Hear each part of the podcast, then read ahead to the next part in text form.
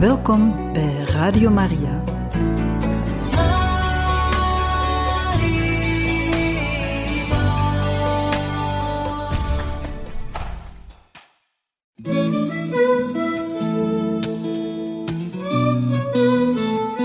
De kerk spreekt.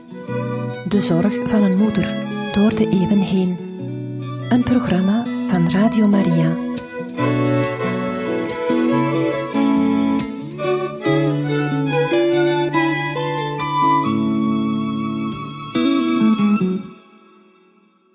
Van harte welkom, beste luisteraars van Radio Maria, bij het programma De Kerk Spreekt.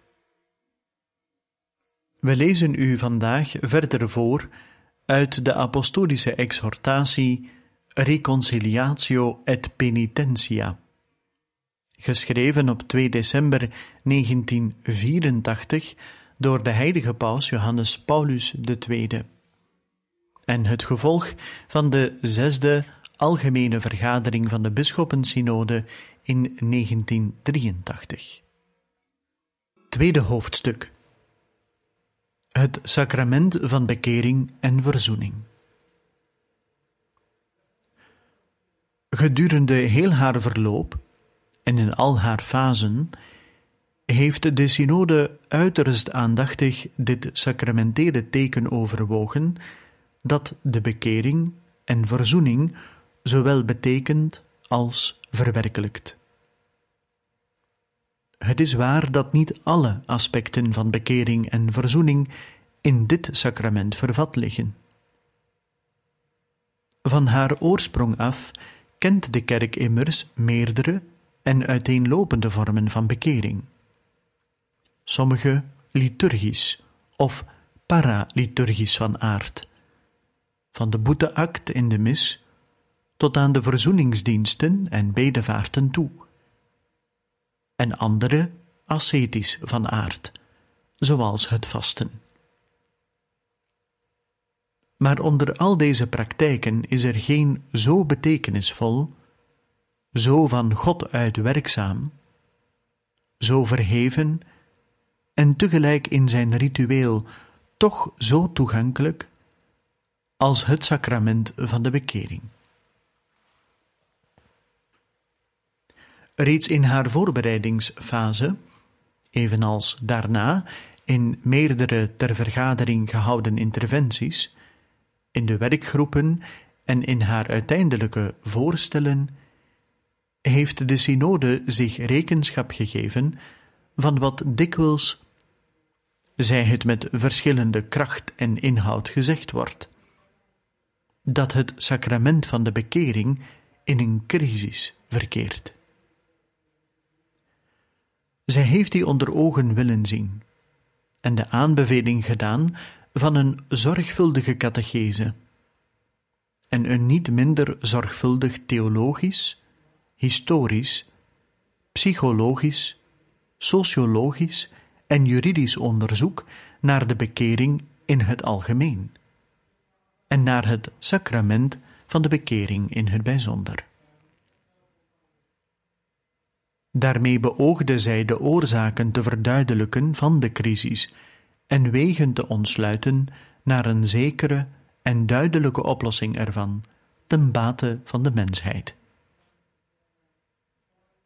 Van de synode heeft de kerk dus een duidelijke bevestiging ontvangen van haar geloof aangaande dit sacrament, dat aan iedere christen en aan iedere geloofsgemeenschap de zekerheid van de vergeving schenkt, uit kracht van het verlossende bloed van Christus.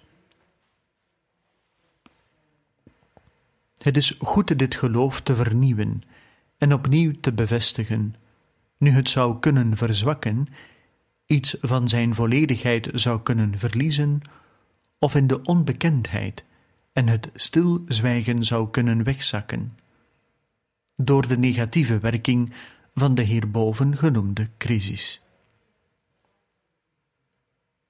Het sacrament van de biecht wordt immers bedreigd. Enerzijds door de verduistering van het zedelijk en godsdienstig geweten, en het verzwakte zondebesef. door een misvormd begrip van bekering en door de geringe impuls tot christelijk leven. Anderzijds door de mentaliteit die intussen post gevat heeft dat men de vergeving direct van God kan verkrijgen. Ja, zelfs dat dat de gewone manier zou zijn, zonder gebruik te maken van het sacrament van de verzoening. En door een routineachtige sacramentele praktijk, waaraan soms het vuur en de levendigheid ontbreekt.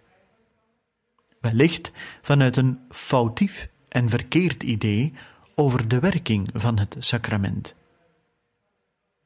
Het is daarom op zijn plaats hier de voornaamste aspecten in herinnering te brengen van dit grote sacrament. Het eerste en voornaamste gegeven met betrekking tot de barmhartigheid van de Heer en zijn vergeving, leveren ons de heilige boeken van het Oude en Nieuwe Testament. In de psalmen immers en in de taal van de profeten wordt de Heer misschien wel het meest de barmhartige genoemd. In tegenstelling tot de gemeenplaats als zou de God van het Oude Testament vooral streng en straffend zijn. Zo roept bijvoorbeeld onder de psalmen een lang wijsheidslied dat uit de uittochttraditie stamt, het weldadige handelen van God te midden van zijn volk in herinnering. Al wordt het ook op antropomorfe wijze beschreven, toch is dit handelen misschien wel een van de meest welsprekende uitingen over de barmhartigheid van God in het Oude Testament. De volgende aanhaling mogen hier volstaan. Toch was hij barmhartig, vergaf hun zonden en roeide hen niet geheel uit maar telkens opnieuw bedwong hij zijn toorn en hield hij zijn gramschap in toom, wanneer hij bedacht: het zijn toch maar mensen, een adem die gaat en niet wederkeert. Psalm 78, versen 38 tot 39. In de volheid van de tijd echter komt de Zoon van God als het lam dat de zonden van de wereld wegneemt en op zich neemt. Hij verschijnt als degene die macht heeft, zowel om te oordelen als om zonden te vergeven. Die echter niet komt om te oordelen, maar om te vergeven en te redden.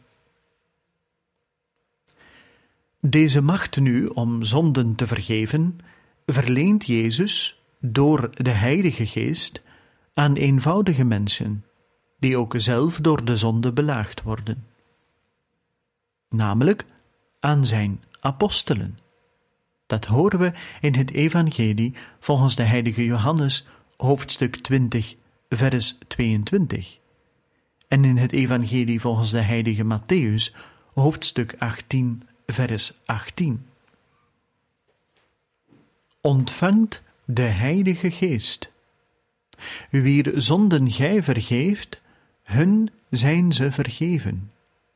En wier zonden gij niet vergeeft, hun zijn ze niet vergeven. Dit is een van de meest wonderbaarlijke vernieuwingen van het Evangelie. Dat hij aan zijn apostelen deze macht verleent. Een macht die bovendien, zo heeft de kerk het vanaf haar begin begrepen, overgedragen kan worden aan hun opvolgers. Deze hebben van de apostelen zelf de zending en taak ontvangen hun werk verder te zetten als verkondigers van het evangelie en als bedienaren van het verlossingswerk van Christus. Hier blijkt in al haar grootheid de figuur van de bedienaar van het sacrament van de bekering, die volgens een heel oud gebruik dikwijls biechtvader genoemd wordt. Als bedienaar van het sacrament van de bekering handelt de priester, zoals aan het altaar bij de viering van de Eucharistie, en zoals bij de overige sacramenten, in persona Christi, in de persoon van Christus. Christus stelt hij tegenwoordig, die door zijn bediening het mysterie van de vergeving van de zonden voltrekt. Daardoor is het Christus die hier als broeder van de mens verschijnt, als de barmhartige, getrouwe en medelijdende hoge priester, als de herder die op zoek is naar het verdwaalde schaap, als de geneesheer die heelt en troost, als de enige leraar die de waarheid onderricht en de wegen van God wijst, als de rechter van de levenden en de doden, die naar waarheid en niet volgens de schijn oordeelt. Ongetwijfeld is dit van de bedieningen van de priester een van de moeilijkste en meest delicate, een van de vermoeiendste en zwaarste, maar tegelijk een van de mooiste en troostrijkste. Juist hierom, maar ook vanwege de krachtige aanbeveling van de synode, zal ik nooit ophouden mijn broeders, de bisschoppen en de priesters, aan te sporen tot een trouwe en zorgvuldige vervulling ervan. Ten overstaan van het geweten van iedere christen, die zich voor hem opent met een mengsel van angst en vertrouwen, heeft de biechtvader een verheven taak die een dienst is bij de bekering en de verzoening van de mens.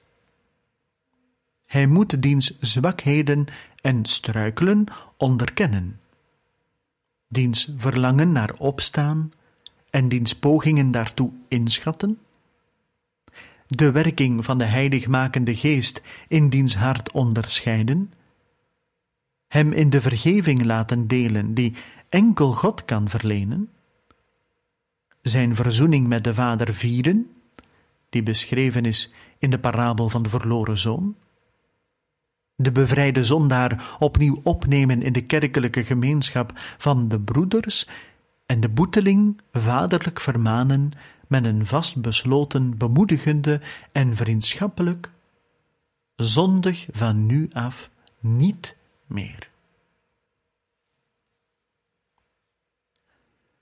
Voor een werkdadige vervulling van dit dienstwerk moet de biechtvader beslist de menselijke kwaliteiten hebben van wijsheid, onderscheidingsvermogen en inzicht, en van een standvastigheid die door langmoedigheid en goedheid wordt verzacht. Hij moet ook een gedegen en nauwgezette voorbereiding hebben gehad, onverkort en in de juiste verhoudingen, in de verschillende takken van de theologie, in de pedagogie en de psychologie, in gesprekstechniek en vooral in een levende en mededeelbare kennis van het woord van God. Maar nog noodzakelijker is het dat hij een intens en oprecht geestelijk leven leidt. Om immers anderen op de weg van de christelijke volmaaktheid te kunnen leiden, moet de bedienaar van het sacrament van de bekering eerst zelf deze weg gaan, en meer door daden dan door een veelheid van woorden laten blijken dat hij een gedegen, door eigen beleving beproefde ervaring heeft van het gebed, dat hij de evangelische deugden beoefent, zowel de theologale als de zedelijke deugden, dat hij de wil van God trouw gehoorzaamt, de kerk bemint en volgzaam is naar haar leergezag. Heel deze toerusting met menselijke gaven, christelijke deugden en pastorale vaardigheden is niet iets dat men van vandaag op morgen of zonder grote inspanning kan verkrijgen. Op de bediening van het sacrament van de bekering moet iedere priester reeds vanaf zijn seminariejaren worden voorbereid door de studie van de dogmatiek, de moraaltheologie, de spiritualiteit en de pastoraaltheologie, die samen steeds maar één theologie vormen, en door de studie van de menswetenschappen, de gespreksmethodiek en vooral de methode van het pastorale gesprek. Vervolgens zal hij begeleid en geholpen moeten worden bij zijn eerste ervaringen als biechtvader. Voortdurend zal hij een passende zorg moeten besteden aan zijn eigen vervolmaking en door een aanhoudende studie bij de tijd moeten zien te blijven. Wat een schat aan genade, waarachtig leven en geestelijke uitstraling zou de kerk verwerven als iedere priester er zorg voor zou dragen zich nooit uit nalatigheid of onder andere voorwendsels te onttrekken aan de ontmoeting met de gelovigen in de biechtstoel, en er zich meer op zou toeleggen om daar nooit onvoorbereid heen te gaan, of zonder de vereiste menselijke hoedanigheden of geestelijke en pastorale voorwaarden. Wat dit betreft kan ik het niet nalaten met bewonderende en biddende liefde aan de voorbeelden te herinneren van die buitengewone apostelen van de biechtstoel, zoals de heilige Johannes Nepomucenus, de heilige Johannes Maria Vianney, de heilige Jozef Cafasso, de heilige Leopold van Castelnuovo, om slechts de bekendste te noemen, die de kerk heeft opgenomen in de lijst van haar heiligen. Maar ik wil ook hulde brengen aan die talloze schare van heilige biechtvaders, wiens naam bijna nooit bekend wordt, en aan wie zoveel zielen heil te danken hebben, die door hen geholpen zijn bij hun bekering, bij de strijd tegen de zonde en de bekoringen, bij hun geestelijke vooruitgang en tenslotte bij hun heiliging. En ik aarzel niet te stellen dat ook de grote heiligen, die plechtig in de lijst van de hemelingen werden ingeschreven, meestal zijn voortgekomen uit de biechtstoel. En samen met hen ook het geestelijk erfgoed van de kerk en de bloei van een beschaving die doortrokken was van de christelijke geest. Hulde dus aan deze stille schare van medebroeders die door de bediening van het sacrament van de bekering de zaak van de verzoening op uitmuntende wijze hebben gediend en dat nog dagelijks doen.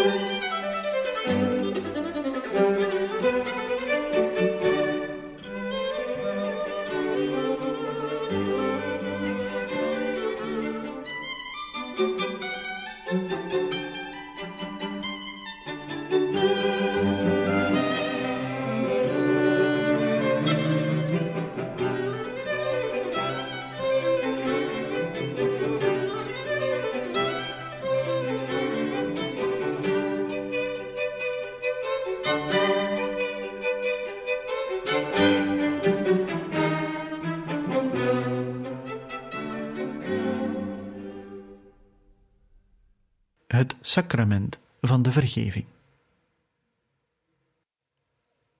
In de mate dat duidelijk werd hoe nuttig dit dienstwerk van het toedienen van het sacrament en deze macht tot zonden vergeven was, die door Christus verleend was aan de apostelen en hun opvolgers,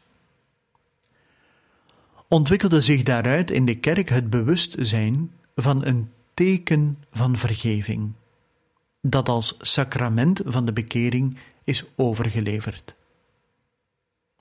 Ik bedoel de zekerheid dat Christus, de Heer zelf, met het oog op de vergeving van de zonden en de verzoening, een bijzonder sacrament heeft ingesteld en aan zijn kerk toevertrouwd als een geschenk van zijn goedheid en menselijkheid van zijn filantropie of mensenliefde, een geschenk om alle mensen in te laten delen. De praktijk van dit sacrament heeft, wat betreft de viering en vorm, een lang ontwikkelingsproces doorgemaakt, zoals de oudste sacramentaria, de akten van concilies en bisschoppensynoden de verkondiging van de vaders en het onderricht van de kerkleraren getuigen. Maar over het wezen van het sacrament heeft er in het bewustzijn van de kerk altijd een vaste en onveranderende zekerheid geleefd. Krachtens de wil van Christus wordt aan één ieder vergiffenis geboden door de sacramentele absolutie die de bedienaar van het bekeringssacrament verleent. Deze zekerheid werd met bijzondere kracht bevestigd door zowel het Concilie van Trente als het Tweede Vaticaans Concilie.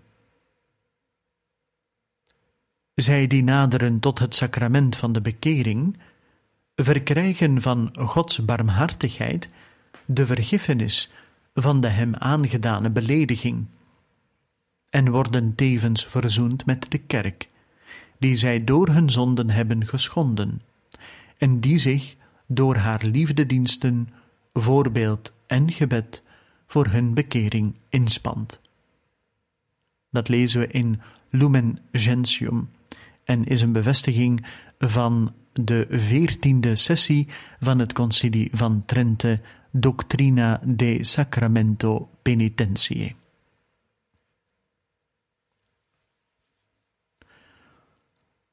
Als wezenlijk element van het geloof aangaande de waarde en het doel van het bekeringssacrament moet nogmaals worden onderstreept dat onze zaligmaker Jezus Christus het sacrament van de bekering heeft ingesteld in zijn kerk.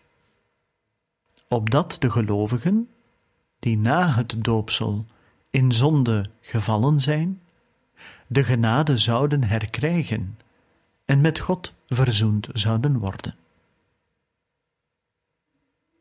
Het geloof van de kerk aangaande dit sacrament impliceert nog enige andere grondwaarheden waaraan niet voorbij gegaan mag worden. De sacramentele ritus van het bekeringssacrament heeft deze waarheden in de loop van haar ontwikkeling en veranderende vormgeving altijd bewaard en doen uitkomen. Het Tweede Vaticaans Concilie beoogde met zijn voorschrift tot hervorming van deze ritus dat zij deze waarheden juist nog duidelijker tot uitdrukking zou doen komen, wat gebeurd is met de nieuwe orde van dienst voor boete en verzoening.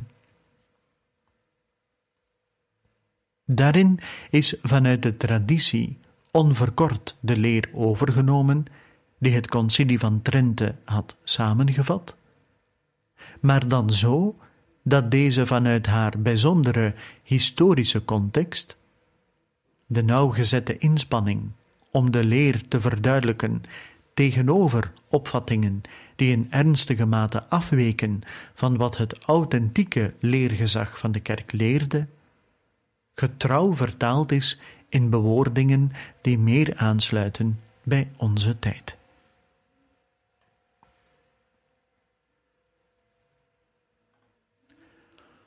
Bovengenoemde waarheden, door de synode nadrukkelijk en duidelijk onderstreept en in de voorstellen tot uitdrukking gebracht, laten zich samenvatten in de volgende geloofsovertuigingen, waaromheen alle andere uitspraken van de katholieke leer over het sacrament van de boete. De eerste overtuiging luidt: Het sacrament van de bekering is voor de christenen de normale weg om vergeving en kwijtschelding te verkrijgen voor de zware zonden die na het doopsel zijn begaan. De heiland is in zijn heilshandelen weliswaar niet zo aan het sacramentele teken gebonden, dat hij in de bedeling van het heil nooit en in geen enkele wijze buiten of boven de sacramenten uit werkzaam zou kunnen zijn. Maar in de school van het geloof leren wij dat diezelfde heiland gewild en bepaald heeft dat de eenvoudige en kostbare sacramenten van het geloof de gewone en werkdadige middelen zouden zijn waarlangs zijn verlossende kracht zou werken. Het zou dan ook onverstandig en vermetel zijn om naar eigen willekeur de genade en heilsmiddelen achterwege te laten, die de Heer zelf heeft voorgesteld. En in het onderhavige geval, om vergeving te willen verkrijgen, zonder gebruik te maken van het sacrament dat Christus juist voor de vergeving heeft ingesteld. De vernieuwing van de riten, die na het concilie heeft plaatsgehad, rechtvaardigt geen enkele illusie of verandering in die richting. Zij moest en moet volgens de bedoeling van de kerk juist dienen om in ieder van ons een nieuwe ijver op te wekken, tot vernieuwing van onze innerlijke houding. Om tot een dieper begrip te komen van de eigenaard van het sacrament van de bekering, om het met meer geloof, niet uit angst, maar vertrouwvol te ontvangen, en om vaker gebruik te maken van dit sacrament vanuit de erkenning dat het geheel doortrokken is van de barmhartige liefde van de Heer.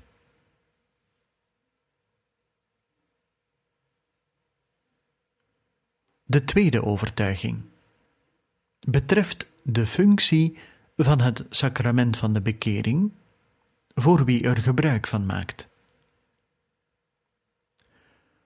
Volgens de oudste overlevering heeft het iets van een rechtszaak. Maar deze zaak dient veel eer voor het gerecht van de barmhartigheid dan voor dat van de strikte en strenge rechtvaardigheid. De vergelijking met de menselijke rechtspraak gaat dan ook maar ten dele op.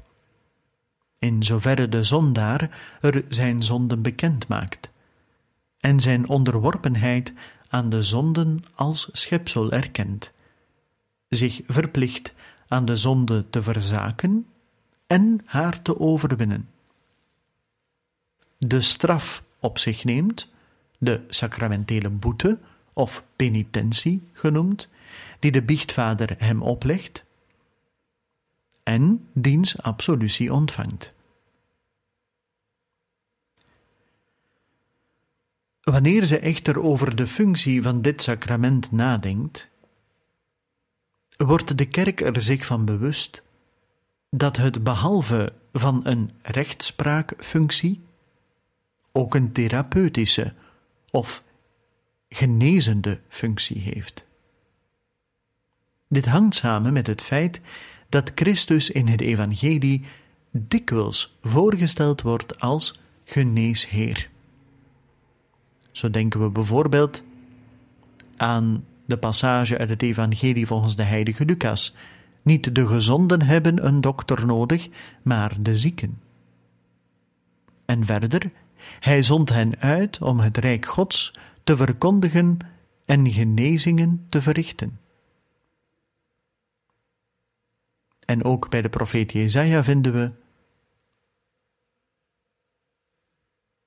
de gestalte van de Christus als geneesheer krijgt een nieuwe betekenis als hij vergeleken wordt met de dienstknecht van Yahweh, van wie het boek Jezaja profeteerde.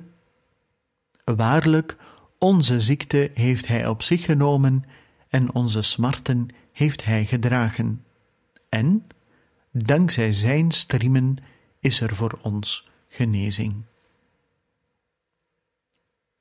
En dat dus al sinds de christelijke oudheid zijn heilswerk dikwijls een geneesmiddel voor het heil, een geneesmiddel ten heil wordt genoemd. Het was juist met betrekking tot de pastoraal van bekering en boete dat de heilige Augustinus zei: Ik wil genezen, niet beschuldigen. En ook dat door het geneesmiddel van de biecht de zonde kwetsuur niet uitloopt op wanhoop. De orde van dienst voor boete en verzoening, het document waar eerder over spraken, onderstreept dan ook dit genezende aspect, dat de huidige mens wellicht meer aanspreekt omdat hij in de zonde weliswaar de misstap ziet, maar meer nog het aspect van de menselijke zwakheid en krachteloosheid. Of men dit sacrament nu als tribunaal van de barmhartigheid ziet, of als plaats van geestelijke genezing, onder beide aspecten is het een vereiste dat men weet wat de betreffende op het hart heeft.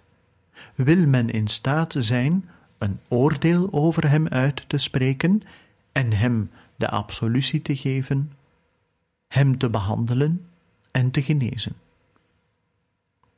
Om deze reden vereist het van de kant van de boeteling een eerlijke en volledige bekentenis van zijn zonden.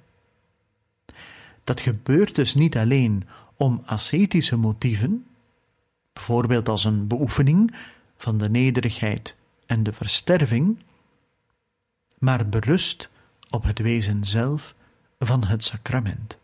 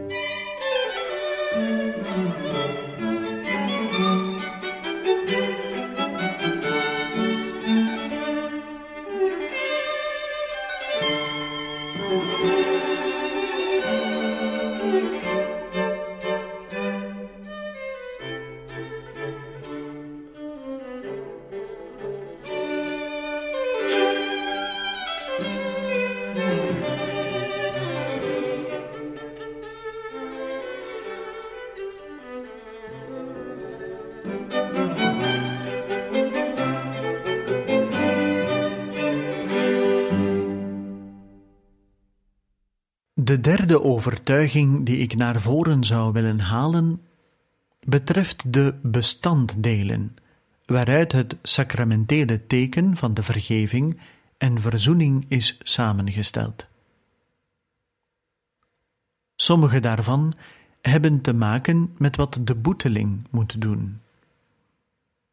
Zij zijn weliswaar van verschillend gewicht, maar ieder afzonderlijk onmisbaar wil het teken geldig, volledig en van nut zijn. Een eerste onmisbare voorwaarde is dat het geweten van de boeteling volgens de normen van de gerechtigheid verhelderd moet zijn. Geen enkel mens komt tot een waarachtige en authentieke bekering zolang hij niet inziet dat de zonde in strijd is met de ethische norm die hij in zijn binnenste draagt. Reeds de heidenen, zoals Sophocles en Aristoteles, erkenden het bestaan van goddelijke, zedelijke normen die altijd al hebben bestaan en diep in het hart van de mens gegrift zijn. Zolang hij niet erkent dat hij er persoonlijk mee in conflict is gekomen en daar verantwoordelijk voor is, zolang hij niet zegt: Ik heb gezondigd, en niet alleen maar dat dit of dat zonde is, ik heb gezondigd, zolang hij niet toegeeft dat de zonde een verscheurdheid in zijn geweten heeft bewerkt, die vervolgens heel zijn leven aantast en hem scheidt van God en zijn broeders. Het sacramentele teken van deze verheldering van het geweten is de act die traditioneel het gewetensonderzoek wordt genoemd. En dat moet niet bestaan in een angstige psychologische zelfanalyse, maar in een oprechte en vredige confrontatie met de innerlijke zedelijke wet, met de evangelische normen die de kerk voorhoudt, met Jezus Christus zelf, die ons tot meester en levensvoorbeeld is, en met de Vader in de hemel die ons tot het goede en tot de volmaaktheid roept. De voor het sacrament van de bekering wezenlijke act van de kant van de boeteling is echter het berouw. Dat wil zeggen, de klaarblijkelijke en vastberaden afwijzing van de zonde die men bedreven heeft, samen met het voornemen haar niet meer te begaan, op grond van de liefde tot God, die met de spijt mee weer tot leven komt.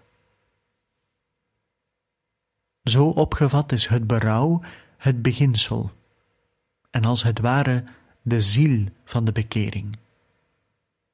Van die verandering die in het evangelie metanoia wordt genoemd, waardoor de mens terugkeert tot God zoals de verloren zoon naar de Vader, en die in het sacrament van de bekering haar zichtbaar teken heeft, waarin het beginnend berouw zijn volgroeide vorm vindt.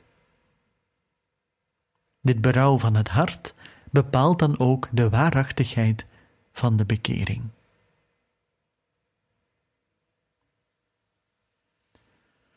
Onder verwijzing naar al wat de kerk onder geleide van het woord Gods over het berouw leert, wil ik hier slechts één aspect daarvan naar voren halen, dat beter gekend en voor ogen gehouden zou moeten worden. Niet zelden immers worden bekering en berouw gezien onder het opzicht van de eisen die zij ontegenzeggelijk stellen, en van de versterving die zij met het oog op een radicale verandering van het leven vragen.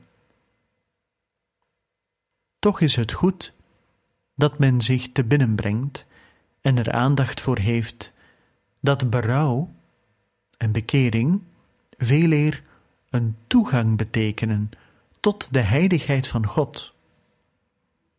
Een hervinden van de innerlijke waarachtigheid die door de zonde was verstoord en ontwricht. Een in het diepst van zichzelf weer vrij worden.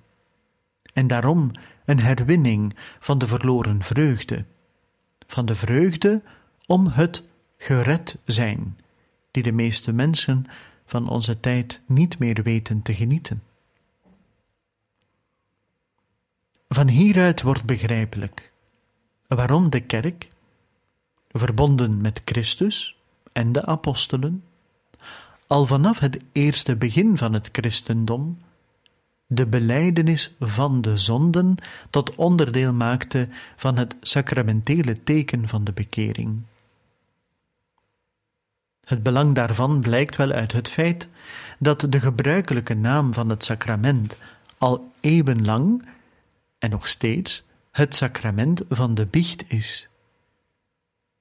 Dat de zondaar zich persoonlijk van zijn zonden moet beschuldigen, vloeit voort uit het feit dat hij gekend moet worden door degene die in het sacrament de rol vervult van de rechter, die zowel de zwaarte van de zonde als de boetvaardige gesteltenis van de boeteling moet wegen, evenals de rol van de geneesheer. Die moet weten hoe de zieke eraan toe is, om hem te kunnen behandelen en genezen. Maar de persoonlijke belijdenis heeft ook een tekenwaarde. Het is een teken van de ontmoeting tussen de zondaar zelf en de kerkelijke bemiddeling in de persoon van de bedienaar. Een teken waardoor men zich ten overstaan van God en de kerk zondaar toont. Een teken dat men voor Gods aanschijn zichzelf onder ogen heeft gezien. De belijdenis van de zonden is dus niet te herleiden tot zoiets als een poging tot psychologische zelfbevrijding. Ook al beantwoordt zij aan de legitieme en natuurlijke behoefte van het menselijk hart om zich bij iemand uit te spreken. Zij is veeleer een liturgische handeling. Plechtig wat haar ontroerende kracht betreft, nederig en bescheiden in de grootsheid van haar betekenis. Het is het gebaar van de verloren zoon, die tot de vader terugkeert en door hem met een vredeskus ontvangen wordt. Een gebaar van trouw en sterkte. Een gebaar waarin men de zonde overstijgt en zich toevertrouwt aan de vergevende barmhartigheid.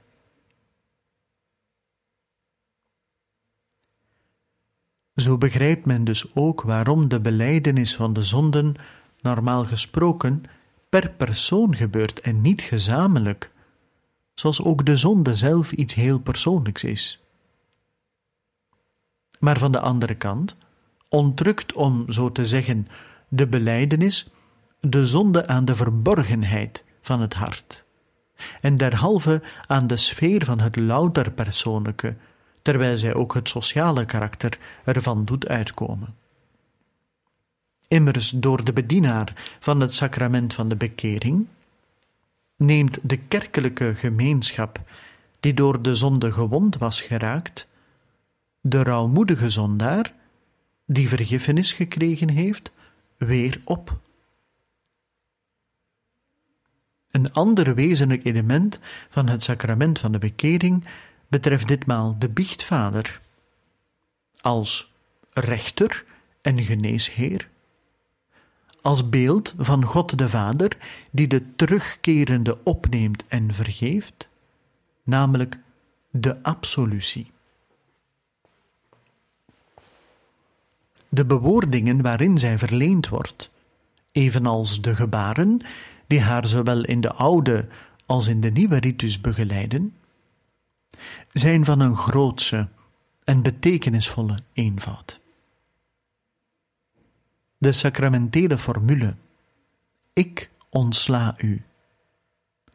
De handoplegging en het kruisteken over de boeteling geven aan dat de rouwmoedige en bekeerde zondaar op datzelfde moment de macht en de barmhartigheid van God ontmoet. Het is het moment waarop, als antwoord op de boeteling, de heilige drie-eenheid aanwezig is om zijn zonde uit te wissen en hem de onschuld terug te geven.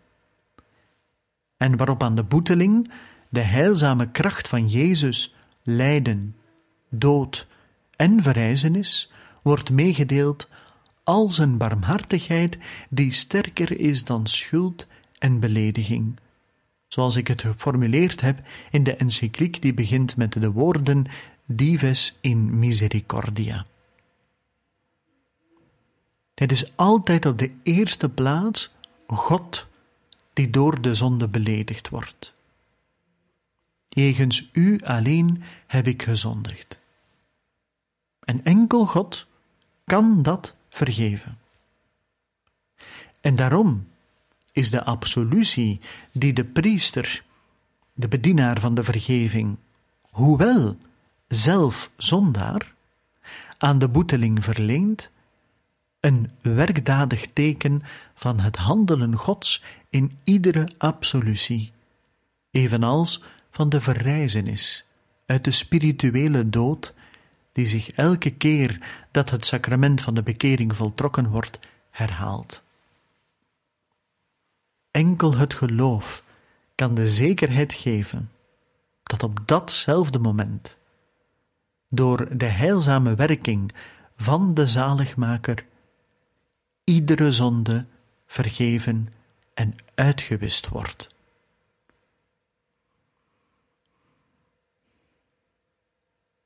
En de laatste act is de genoegdoening.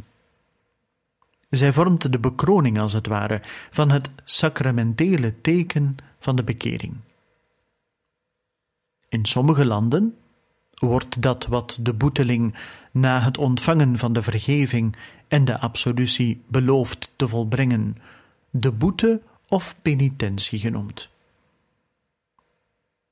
Wat betekent echter deze genoegdoening die men geeft, of deze boete die men volbrengt?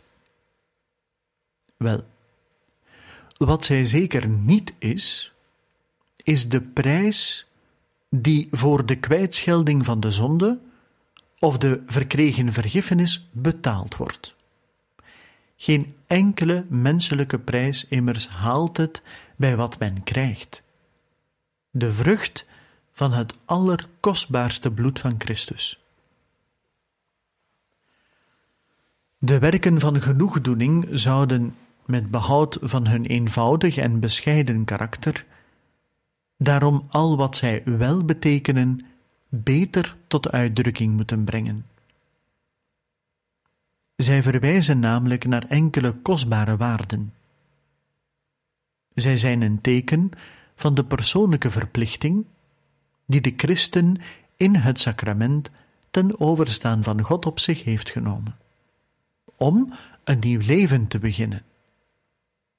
En om die reden zou zij niet beperkt moeten worden tot enkel wat mondgebeden, maar veel eer moeten bestaan in werken van Gods vrucht, naaste liefde, barmhartigheid en herstel.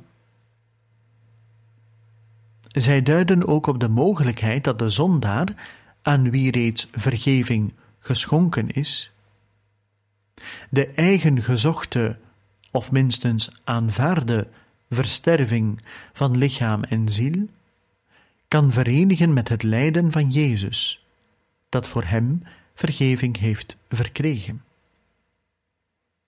En tenslotte herinneren zij er ook aan dat er na de absolutie in de christen nog iets van duisternis achterblijft, dat toe te schrijven is aan de wonden die de zonde geslagen heeft, aan de onvolmaakte liefde in het berouw en aan de verzwakking van de geestelijke vermogens, waarin als het ware nog iets als een besmettelijke zondehaard werkt, waar men steeds door middel van de versterving tegenin moet gaan. En dit is de betekenis van een bescheiden, maar oprechte genoegdoening. En zo, beste luisteraars van Radio Maria, zijn we aan het einde gekomen van deze aflevering van De Kerk Spreekt, waar we u mochten voorlezen uit de post-synodale exhortatie Reconciliatio et Penitentia. We danken u van ganser harte voor het luisteren en graag tot een volgende gelegenheid.